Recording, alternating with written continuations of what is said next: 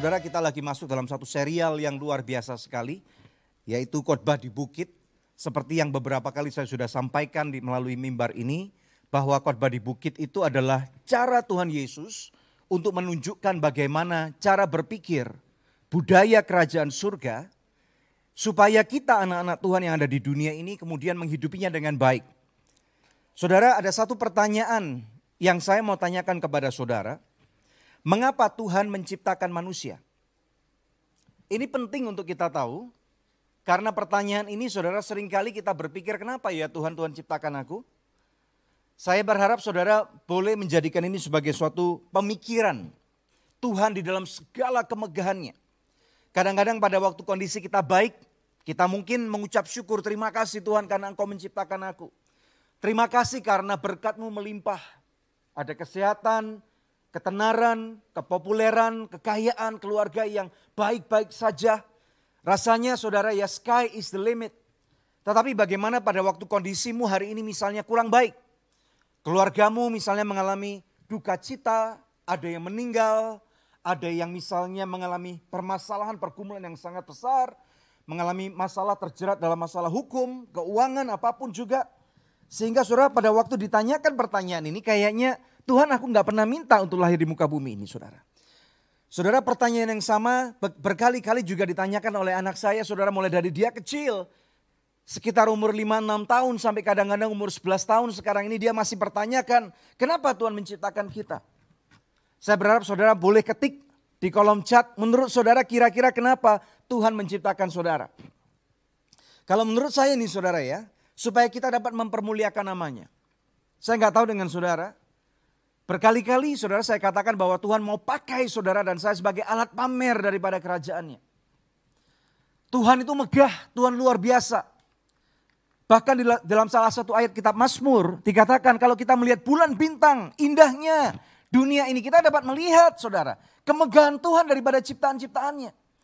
Tetapi benda-benda itu tidak dapat memuji Tuhan secara secara langsung. Mereka nggak punya mulut, ekspresi mereka terbatas. Tetapi kalau saudara kita diciptakan oleh Tuhan, kita punya mulut, kita bisa mengangkat tangan, kita bisa menari. Bahkan kita bisa mengalami kesedihan, kita bisa memilih untuk tidak mau menyembah Tuhan. Dan pada waktu kita memilih untuk menyembah Tuhan, karena itu adalah kehendak, kehendak bebas. Tuhan mau supaya kita dengan bebas, tidak terpaksa, tidak terikat menyembah Dia. Nah, saudara, kita perlu tahu bahwa pada waktu dosa itu ada, segala sesuatu yang indah yang Tuhan sudah ciptakan itu terpisah. Manusia nggak bisa lagi berelasi dengan Tuhan sama seperti dulu. Kalau kita melihat dalam kitab kejadian bagaimana Adam dan Hawa itu dengan begitu intimnya, dengan begitu gampangnya mereka bisa berelasi dengan Tuhan. Betul nggak? Tetapi pada waktu dia jatuh dia diusir. Dia nggak boleh masuk lagi ke dalam tanah Eden. Nah inilah kondisi daripada kejatuhan manusia. Manusia tidak dapat berelasi kembali dengan Tuhan. Saudara, kita tahu dosa itu memisahkan. Tetapi Tuhan cintanya terhadap manusia tidak pernah berkurang. Yang percaya katakan amin. Tuhan memikirkan cara bagaimana supaya manusia bisa berelasi kembali dengan dia. Pertama-tama saudara diberikan hukum Taurat. Nah tapi kita tahu saudara pada waktu hukum Taurat ini diberikan, rupanya hukum Taurat tidak bisa menyelamatkan manusia. Kenapa demikian? Karena tidak mungkin. The impossible is manusia tidak bisa menggenapi isi hukum Taurat itu. Betul nggak? Manusia terlalu jauh daripada kesempurnaan Tuhan. Hukum Taurat menunjukkan kesempurnaan Tuhan itu saudara. Ada satu titik daripada dosa saja maka hukum Taurat tidak bisa lagi digenapi. Sama pada waktu misalnya ada seseorang yang tenggelam, misalnya di kolam renang atau di laut, maka orang itu nggak akan bisa nyelamatin dirinya sendiri, betul nggak? Bagaimana mungkin dia bisa menyelamatkan dirinya sendiri pada waktu dia ada di dalam dosa? Karena salah satu persyaratan mutlak dikatakan, jadilah kamu sempurna kata Tuhan Yesus, karena Bapamu adalah sempurna. Bagaimana kita bisa sempurna? Hukum Taurat yang standarnya sangat tinggi, setinggi surga. itu membuat kita menjadi semakin lama semakin jauh. Karena semakin kita mencoba untuk memenuhinya, maka kita tahu gak mungkin kita di, bisa dapat menggenapinya. Tuhan itu sempurna. Dan kesempurnaan Tuhan itu sekelumit. Katakan sekelumit. Itu dinyatakan melalui 16 hukum Taurat. 613 hukum Taurat maksud saya, bukan 16. 613 hukum Taurat. Hukum Taurat ini nggak saja berbicara tentang 10 hukum yang Tuhan berikan melalui Musa. Bukan saudara. Dari 10 hukum itu dijabarkan detail satu persatu. Ada 613 totalnya. Dan itu baru sekelumit daripada manusia mencoba mengenal Tuhan. Satu saja nggak lengkap, maka semuanya gugur. Makanya Bapak Ibu sekalian, Tuhan Allah Bapa harus melakukan suatu rencana yang agung. Dan rencana yang agung ini hanya bisa digenapi melalui Tuhan Yesus Kristus. Hari ini saya akan berkhotbah dengan judul Christ Fulfilling the Law atau Kristus mengenapi hukum Taurat. Saya mengajak saudara sekalian untuk membuka bersama-sama ini masih dalam serial khotbah di bukit. Khotbah di bukit ini akan selesai nanti pada akhir Matius pasal yang ketujuh. Jadi masih ada beberapa minggu ke depan supaya kita bisa belajar mengenapinya saudara ya, menghidupinya terutama. Matius 5, 17 sampai dengan 20 mari kita lihat bersama-sama. Haleluya, ada sukacita, ada amin. Bagaimana dengan Anda yang di rumah ada sukacita?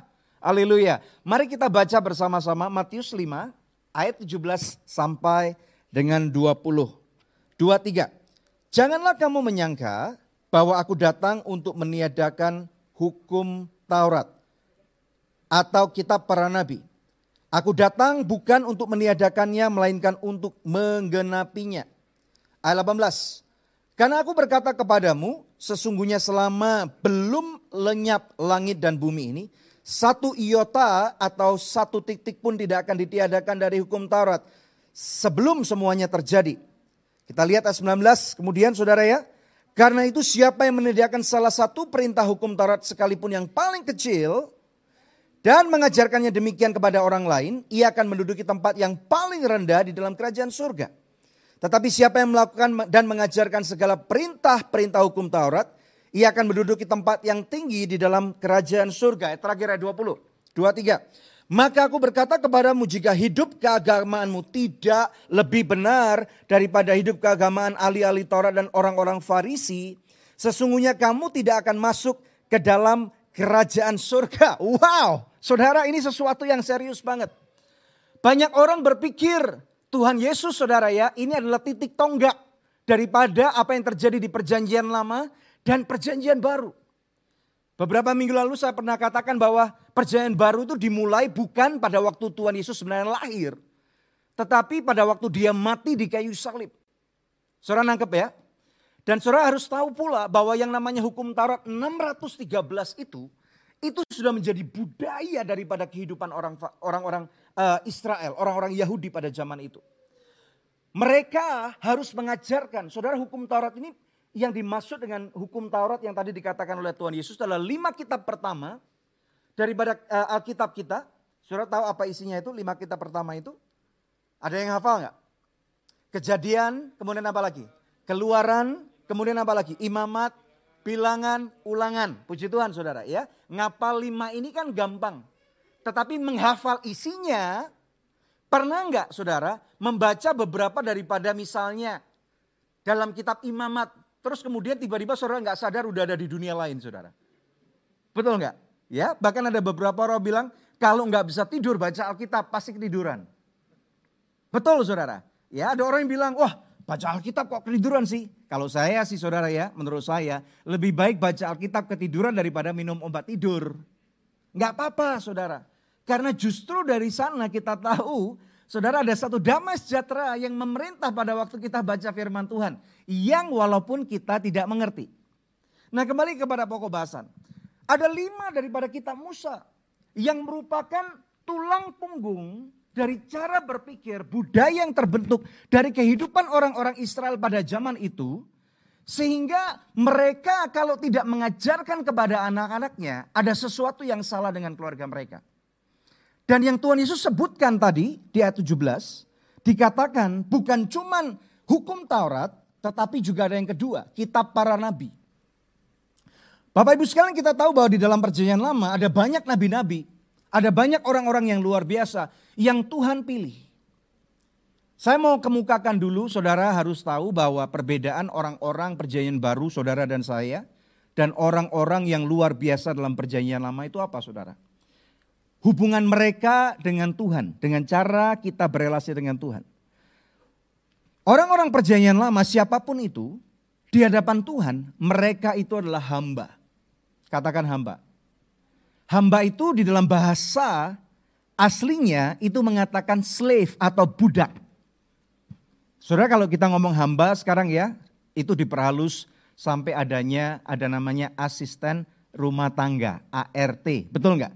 Maaf nih saudara, saya tidak melecehkan posisi itu kalau dalam bahasa sebelumnya kan pembantu. Maaf nih ya saudara ya, kalau dalam bahasa sebelumnya lagi satu generasi dalam bahasa Jawa ini. Aslinya apa itu? Batur. Betul enggak? Maaf kalau misalnya perempuan dikatakan apa? Maaf nih saudara, babu. Kalau laki apa? Kacung. Betul enggak?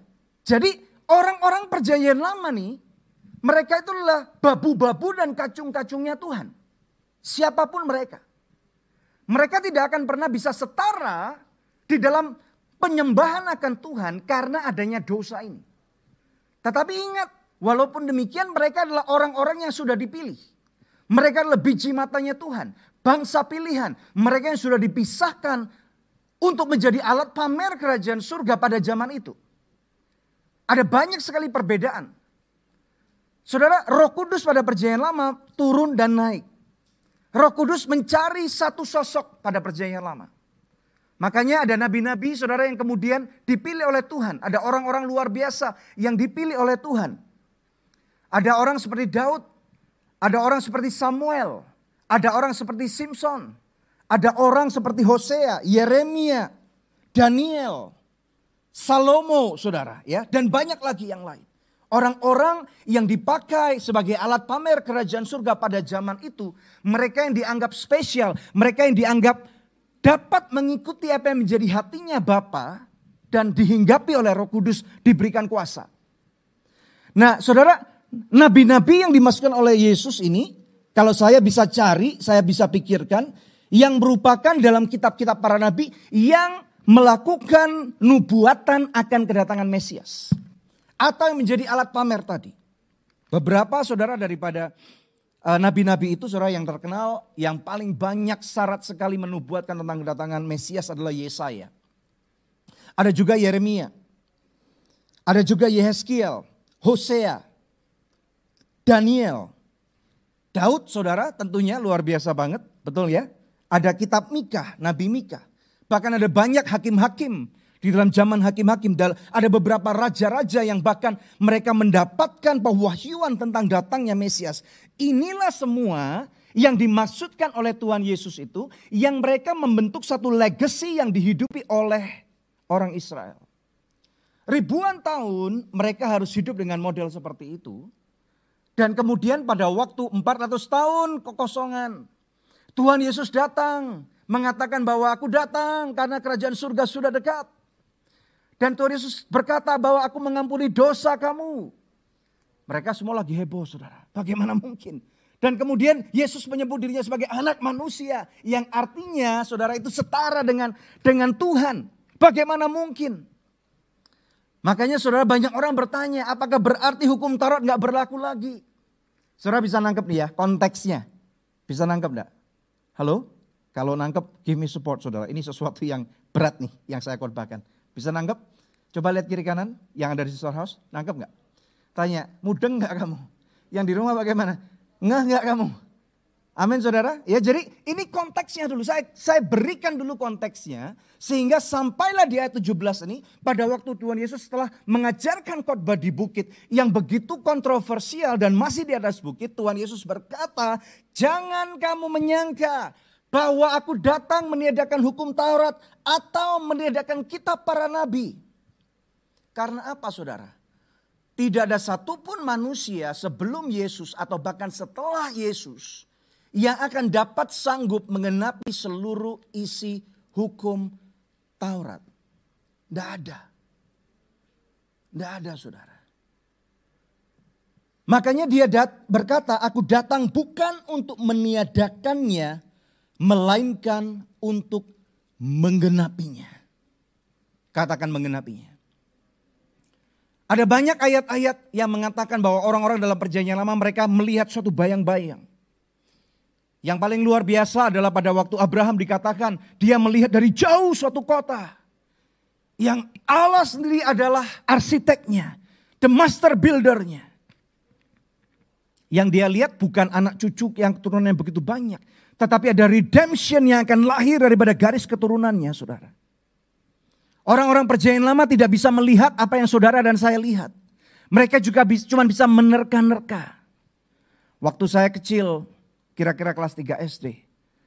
Saya berpikir katanya di tahun 2000 akan ada mobil terbang. Katanya sudah berpikir gimana ya modelnya ya.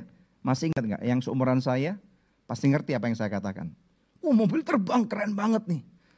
Saya masih ingat kalau kira-kira waktu saya SMP saudara. Berarti tahun 87an. Banyak dari kalian yang belum lahir nih saudara. Ada satu satu satu uh, program televisi yang terkenal banget yang saya suka namanya Beyond 2000. Ingat nggak? Itu menceritakan tentang kira-kira diprediksi uh, teknologi-teknologi yang tahun 2000 dan setelahnya itu seperti apa. So excited. So excited mobil terbang lah. Pada pada zaman itu kalau ngelihat orang telepon, kamu sambil ngelihat kamera bisa ketemu itu asik banget. Ternyata di abad 21 kita diajarin cuci tangan, saudara. Ironis sekali. Nah saudara, sekali lagi kita tidak tahu apa yang terjadi di tahun 2200 atau 3000. Kita cuma bisa berpikir dan kita tidak akan bisa menerima suatu pengertian yang sepenuh-penuhnya. Saudara ngerti nggak? Sehebat-hebatnya orang-orang nabi-nabi itu mendapatkan urapan, mendapatkan pewahyuan tentang Mesias. Bahkan Sadrah, Mesah, Abednego berjalan di dalam dapur api. Dan dikatakan di sampingnya itu ada sosok yang keempat. Alkitab tidak mengatakan apakah mereka melihat sosok keempat itu atau tidak. Tetapi Nebukadnezar, raja itu melihat kenapa ada sosok yang keempat. Dan di dalam Alkitab bahasa Inggris dikatakan the face shines like the son of God seperti wajah anak Allah. Dalam bahasa Indonesia diterjemahkan seperti anak dewa. Nebukadnezar melihat dari jauh, dari perapian, nggak bisa mendekat. Karena dituliskan di dalam kitab Daniel itu, barang siapa yang mendekat, mereka akan terbakar, saudara, karena dipanaskan tujuh kali lipat. Orang-orang perjanjian lama pada waktu mereka mau mendekat kepada tahta kasih karunia, mereka itu datang dengan gemetar. Gemetar, saudara. Hanya satu tahun satu kali itu boleh masuk dalam ruang maha kudusan itu pun cuman imam besar. Dan masuknya itu kakinya harus diikat. Dikasih kelintingan. Masuk saudara itu dengan segala macam ritual lebih daripada semprot sanitizer dan cuci tangan. Itu harus dipercikin darah domba. Harus mengakui semua dosanya. Kemarin dia berpikir membenci mertuanya, membenci adik iparnya. Dia harus ngaku semua itu saudara. Dia belum bayar utang kepada siapa. Kalau janji besok ya aku bayar utang. Atau tiga bulan lagi aku bayar utang. Ternyata tiga bulan lagi orang nanya-nanya. Saudara, biasanya yang punya utang bisa lebih galak daripada yang punya duit. Setuju katakan amin. Pengalaman ya kok diem aja. Si imam besar itu harus ngaku, iya aku lebih galak daripada yang punya duit. Karena apa saudara? Begitu dia lupa ada satu dosa yang tidak diampuni atau tidak diakui. Dia masuk ke dalam ruang tahta maha suci. Mampus. Dan kalau udah lama nih ya, kok tiga jam diem aja. Ditarik, tarik, tarik dari luar kok nggak ada apa-apa, nggak ada gerakan apa-apa. Itu ditarik saudara tambangnya, dan saudara tahu what happened? Drop dead. Katakan wow. Kok diem? Mungkin nggak kelihatan nih di maskernya ya. Wow. Ini sesuatu yang serius saudara. Mereka nggak bisa seenak sendiri kemudian datang ke dalam sinagoga atau kemudian di dalam terutama di dalam bait Allah kemudian main handphone. Kecuali lagi lihat streaming saudara. Postingan dan kemudian mengomentarin realnya orang atau tiktoknya orang keren banget. Atau di forward supaya nanti masa, nanti malam istrinya bisa masak itu. Kalau saya itu yang saya lakukan saudara saya lihat tiktok. Saya lihat wih keren masakannya saya forward ke istri saya masakin ya gitu. Saudara kalau bait Allah mereka lagi cek tiktok mati loh saudara. Seserius itu. Seserius itu. Drop that. Sehingga ada sesuatu hembusan nafas baru. Wow. Dikatakan bahwa kita adalah anaknya Allah. Yesus berkata, aku tidak menyediakan semua hukum itu. Bahwa ayat 18 dia mengkonfirmasi, memberikan satu garansi, katakan satu jaminan bahwa sebelum selama belum lenyap langit dan bumi ini satu ayota itu satu titik satu satu nokta yang harus dipelajari di dalam hukum Taurat itu tidak dibatalkan. Tidak ada yang dibatalkan. Hari-hari ini saudara kita mesti tahu bahwa hukum Taurat sudah digenapi. Katakan sudah digenapi. Yang percaya katakan amin. Sehingga pada waktu saudara tadi memuji Tuhan di sini ini ibaratnya ruang maha kudus, ibaratnya saudara. Kemudian berpikir KFC itu enak saudara. Kalau dalam ruang maha kudus di zaman perjanjian lama, begitu saudara baru mikir KFC enak, drop dead.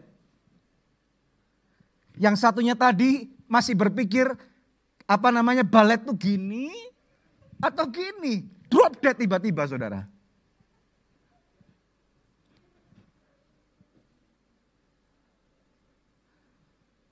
WL-nya tiba-tiba berpikir, aduh ini yang main keyboard salah salah pencet ini gimana sih? Drop dead langsung dia saudara. Everything has to be perfect pitch. Nah inilah yang kemudian Tuhan Yesus katakan, nggak bisa.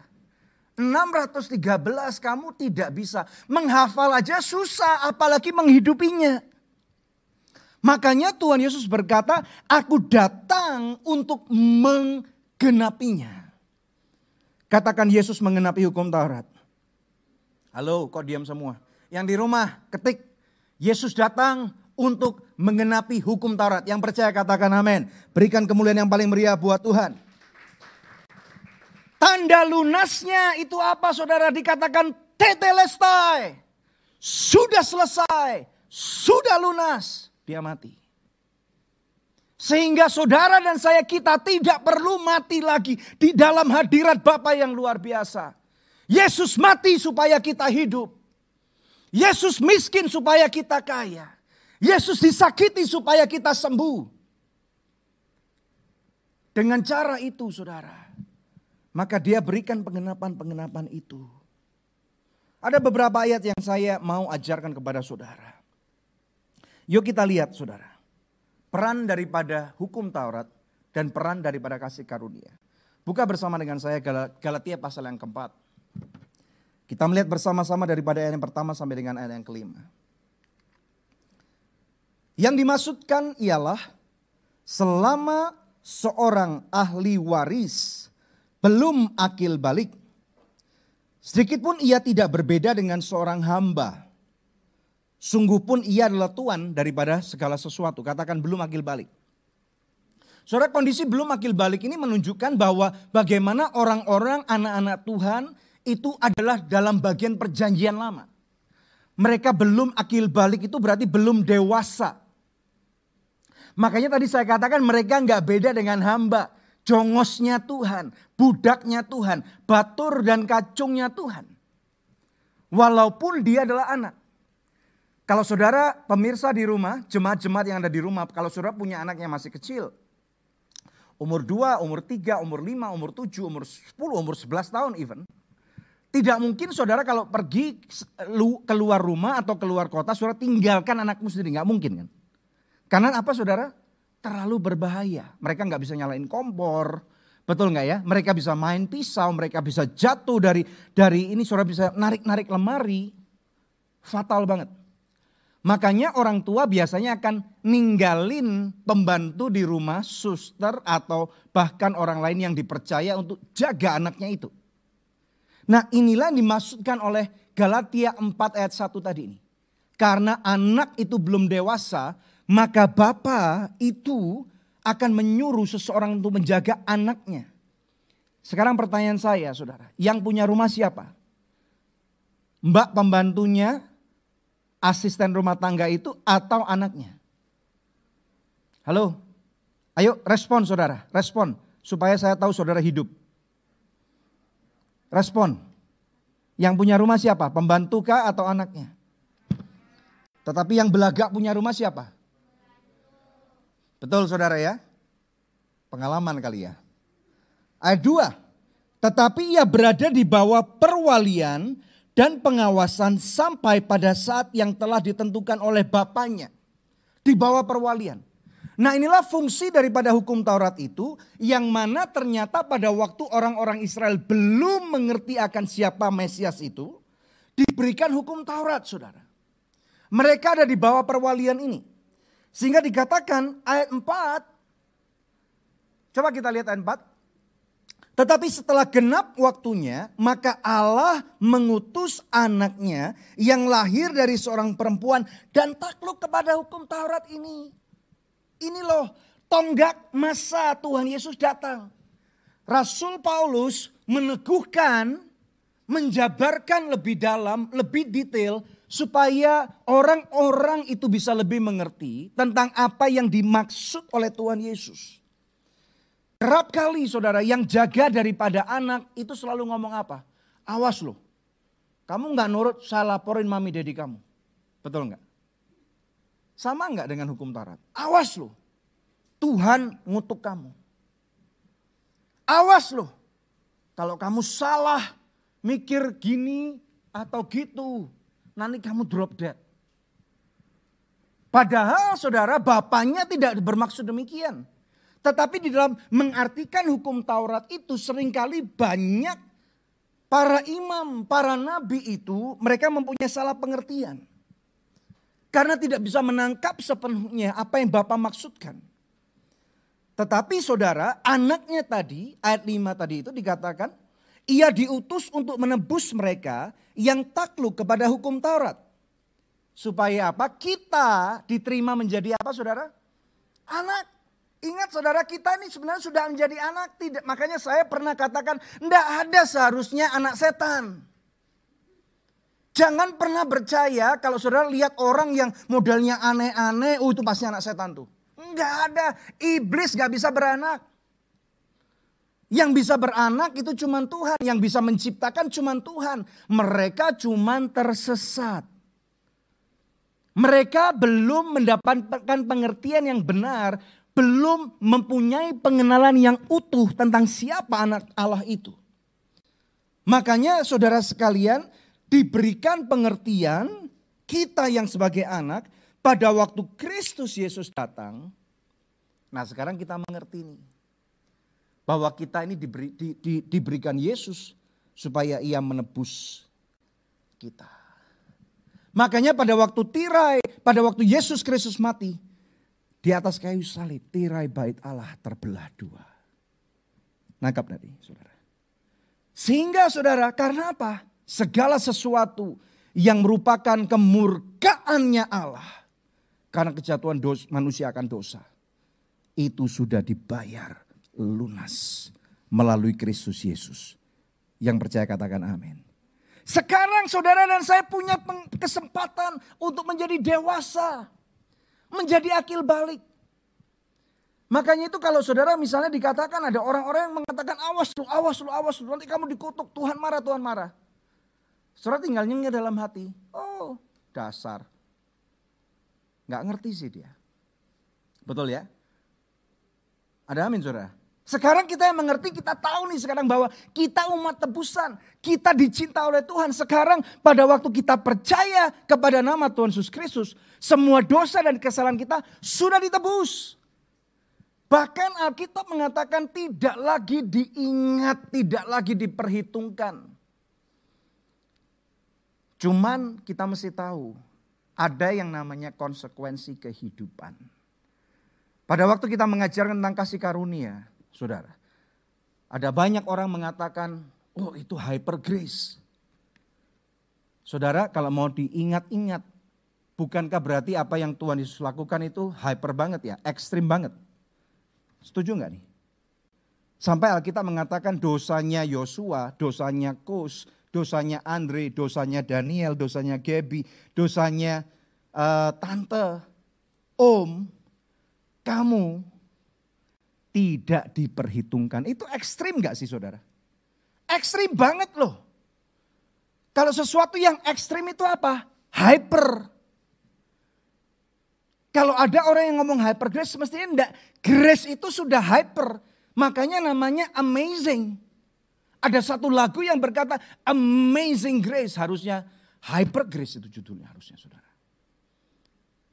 Sedangkan mereka yang terus berkenaan dengan ada beberapa hamba Tuhan yang kalau khotbah itu harus ini, harus ini, harus itu. Kalau enggak kamu enggak layak, enggak layak. Kalau sampai kamu memberikan persembahan uang sepuluh ribunya itu kelipet aja kamu enggak layak tuh. Sekarang udah enggak berlaku saudara. Dipatahkan dengan kondisi zaman yang ada. Kalau dulu ingat enggak? Kalau kasih persembahan itu sampai di beberapa gereja dibuatin video jangan sampai uangnya diremet-remet. Ingat enggak? Masa sih ngasih kepada Tuhan diremet-remet, sekarang udah gak berlaku. Sebelum pandemik pada waktu misalnya ada beberapa gereja yang sudah kasih persembahan atau persepuluhan atau atau apa pun saudara ya melalui QR itu udah mulai banyak yang nyinyir. Sekarang udah nggak berlaku. Dipatahkan dengan kondisi zaman yang ada. Makanya itu sekarang kita mengerti saudara. Ini bukan tentang hukum Taurat, bukan tentang kasih karunia tetapi mengenai apa yang Bapa kita kehendaki. Yang percaya katakan amin. Yang percaya katakan amin. Wah ini sukar menerimanya saudara. Makanya kita nih harus mengerti bahwa Tuhan Yesus adalah satu-satunya yang dapat mengenapi hukum Taurat. Saya nggak nggak akan masuk ke dalam aplikasi karena beberapa minggu ke depan kita akan masuk dalam aplikasi satu persatu. Minggu depan saya akan khotbahkan aplikasi tentang kemarahan di dalam kasih karunia itu gimana saudara? Ya, minggu depannya lagi saudara nanti akan dikhotbahkan terus percaya. Nanti bahkan uh, minggu tanggal 19 Pak Kus akan mengkhotbahkan tentang kekudusan. Di dalam kasih karunia itu bagaimana saudara? Ya makanya saya nggak bisa masuk dalam aplikasi. Biasanya mungkin saudara lihat ini kok nggak ada aplikasi, nggak ada aplikasi karena nanti saudara. Saya berikan dasarnya dulu. Saudara nangkep nggak? Bisa terima saudara ya? Yuk kita lihat lagi. Kita buka Roma pasal yang ke-8. Ini beberapa ayat terakhir saudara. Kita lihat Roma pasal yang ke-8 ayat yang pertama sampai dengan ayat yang keempat. Firman Tuhan berkata, Demikianlah sekarang tidak ada penghukuman. Katakan tidak ada penghukuman. Halo? Halo? Ngikutin? Yuk kita ngikutin. Katakan tidak ada penghukuman. Yuk kita baca sekali lagi. Roma 8 ayat yang pertama dulu. Satu, dua, tiga. Demikianlah sekarang tidak ada penghukuman bagi mereka yang ada di dalam Kristus Yesus. Artinya ini apa saudara? Ada dua kondisi nih. Satu dikatakan tidak ada penghukuman, ini kondisi pertama. Tetapi ada kondisi berikutnya yang mengatakan kamu tidak dihukum kalau apa? Kalau apa saudara? Kalau kamu ada di dalam Kristus. Kata-kata ada ini berarti tinggal. Dalam bahasa Inggris dikatakan abide. Abide itu berarti saudara menghidupi apa yang perintah Tuhan Yesus katakan. Jadi ini semestinya pada waktu kita mengajarkan tentang kebaikan Tuhan, tentang kasih karunia, ini bukan cuman kamu salah berapa banyak, cuman langsung pasti diampuni begitu aja. Memang betul, kebenarannya kita pasti diampuni. Tetapi Tadi saya berkata nih, ada konsekuensi yang kita harus hidupi. Hal yang sama, muatan yang sama pada waktu saya dapat kesempatan khotbah di penjara-penjara saya katakan yang sama. Bahkan saya katakan kepada mereka yang ada di dalam penjara, bedanya kamu orang-orang dalam penjara dan dengan orang-orang di luar penjara. Tahu nggak bedanya apa? Ada yang tahu saudara? Yang pegang kamera? Yang pegang sound system atau switcher di atas tahu? Bedanya orang-orang dalam penjara dan kita di luar penjara apa? Ini bukan generalisasi saudara ya, bukan stereotyping tetapi ada persamaan. Tetapi ada juga perbedaan. Sebagian besar orang-orang di luar penjara, saya katakan sebagian besar, belum tertangkap. Betul nggak? Bedanya cuma itu. Yang di dalam penjara sudah tertangkap, yang di luar belum. Tidak sedikit daripada orang-orang di penjara pada waktu saya tanya, kamu salah nggak? Enggak pak, saya dijebak. Kebanyakan orang bilang saya dijebak. Tidak banyak orang yang berani berkata, iya saya salah, saya layak mendapatkan hukuman. Makanya saudara pada waktu kita mengajarkan tentang bagaimana Kristus memenuhi hukum Taurat ini, kita harus tahu bahwa ada konsekuensi. Pada waktu kita berkata bahwa Kristus Yesus ini mengenapi hukum Taurat, memang diampuni. Makanya kita nggak bisa lagi ngelihat orang lain. Orang itu kok hidupnya kayak gitu terus ya. Memang saya tahu saudara ada beberapa orang yang sangat memprihatinkan. Tetapi yang Tuhan lakukan adalah terus mencintai orang itu. Ada beberapa suami-suami yang begitu nggak layak untuk diampuni di dalam dosa dalam perselingkuhan mereka. Tetapi istrinya pada waktu dia udah mengerti konsep ini. Yang dia lakukan, dia cuma satu. Mengampuni lagi, lagi, dan lagi. Bagaimana pada waktu ada anak-anak yang kena narkoba? Orang tua yang mengasihinya. Saudara, bukan berarti tidak menyerahkan anak itu ke tempat rehabilitasi atau ke penjara. Bukan, atau ke polisi. Tetapi di dalam konsekuensinya orang tuanya tetap mengampuni, mengasihi, mengampuni, dan mengasihi. Yang percaya katakan amin. Karena apa saudara? Ada beberapa orang tanya kepada saya, gimana nih pak? Anak saya udah seperti ini. Saya katakan, itu kalau saya ya pak atau ibu. Saya nggak akan lagi kasih uang ke anak kamu. Dia udah dewasa, udah 30 tahun, udah 40 tahun, masa minta uang terus. Harus ada garis pembatas. Dan biarlah Tuhan yang menjadi langsung penyedia mereka. Dan segala konsekuensi mereka harus tanggung. Itu yang saya ajarkan saudara. Makanya itu sekarang pada waktu sekarang kita mengerti di dalam Roma 8 ayat pertama ini bukan berarti cuma langsung tidak ada penghukuman. Ada konsekuensi nih saudara. Tetapi di dalam konsekuensi sekalipun ada pengampunan Tuhan. Sampai sini bisa nangkep enggak? Ya, bisa nangkep saudara ya. Yuk kita lihat lebih dalam lagi. Ayat 2. Di dalam ayat kedua Roma 8 dikatakan, Roh yang memberi hidup telah memerdekakan kamu dalam Kristus. Haleluya saudara. Dari apa? Dari dua hal. Satu hukum dosa. Dua hukum maut. Ada amin saudara. Jadi segala macam konsekuensi-konsekuensi dosa ini pada waktu kita tinggal. Kita bisa jatuh nggak? Kita kadang-kadang bisa keluar dari Kristus nggak? Bisa saudara. Kembali lagi pada waktu ingat diingatkan kembali lagi. Pada waktu kita jatuh bertobat lagi. Dan kita lakukan ini terus menerus sampai kita menjadi orang yang lebih baik. Lebih selangkah lebih dekat dengan Kristus. Lebih lebih lebih satu satu satu hal mengenal kebaikan Tuhan lebih dalam lagi. Dan pada waktu itu saudara, lambat laun kita sudah menjadi kuat, kita sudah menjadi beriman, kita sudah menjadi menjadi orang-orang yang sudah dirubahkan dari dalam keluar saudara ya. Makanya di sana dikatakan kamu sudah merdeka. Bagi saudara yang selama ini berpikir aku diampuni enggak ya? Aku masuk surga enggak saudara? Saudara percaya deh. Lakukan saja apa yang Tuhan Yesus katakan bahwa dia adalah jalan kebenaran dan hidup. Percaya barang siapa yang sudah percaya di dalam nama Tuhan Yesus Kristus. Itulah jalan satu-satunya menuju Bapa Dan tidak ada cara yang lain. Kalaupun saudara jatuh bangun, jatuh bangun, terus kembali segera bertobat. Secepat engkau bisa jatuh dalam dosa, secepat itu pula saudara harus kembali berani mengaku dosamu di hadapan Bapa. Ada amin saudara. Sehingga dikatakan kamu dimerdekakan. Orang yang dimerdekakan saudara. Orang itu tidak terikat. Makanya tadi saya katakan, kenapa Bapak menciptakan manusia? Karena Bapak tahu manusia nggak akan pernah sempurna. Tetapi di dalam ketidaksempurnaannya sudah manusia dapat berrelasi dengan Tuhan karena Yesus Kristus. Dan di dalam relasinya itu kemudian manusia dapat memilih menyembah Tuhan secara merdeka. Menyembah Tuhan secara bebas. Ada amin saudara. Kamu sudah dibebaskan daripada hukuman dosa dan juga hukuman maut. Yuk kita lihat dua ayat setelah ini saudara. Saya minta pemain keyboard kembali ke tempatnya. Roma 8 ayat yang ketiga. Sebab apa yang tidak mungkin, katakan tidak mungkin. Katakan tidak mungkin, yuk ketikan tidak mungkin.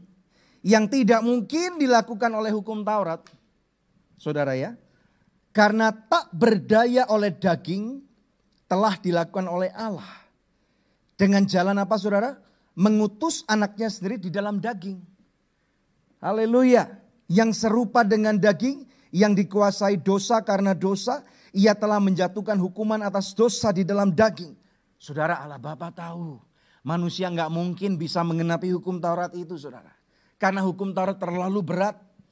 Haleluya. Ya, saudara, pembelajaran ini membawa kita selangkah untuk selaras kepada kepada kebenaran Tuhan. Kita nggak lagi mau supaya kita mencocokkan kebenaran Tuhan dengan diri kita. Tetapi kita mau diri kita yang diselaraskan dengan kebenaran Tuhan. Saudara Tuhan Yesus sudah mengambil serupa dengan daging, mengambil rupa dengan anaknya. Supaya apa? Hukuman dosa itu tidak dijatuhkan atas kita. Ayat yang terakhir. Supaya hukum supaya tuntutan hukum Taurat digenapi di dalam kita yang tidak hidup menurut daging tetapi menurut roh. Ada amin saudara. Bapa mengasihimu lebih daripada segala sesuatu. Bapa mengasihimu lebih daripada hidup.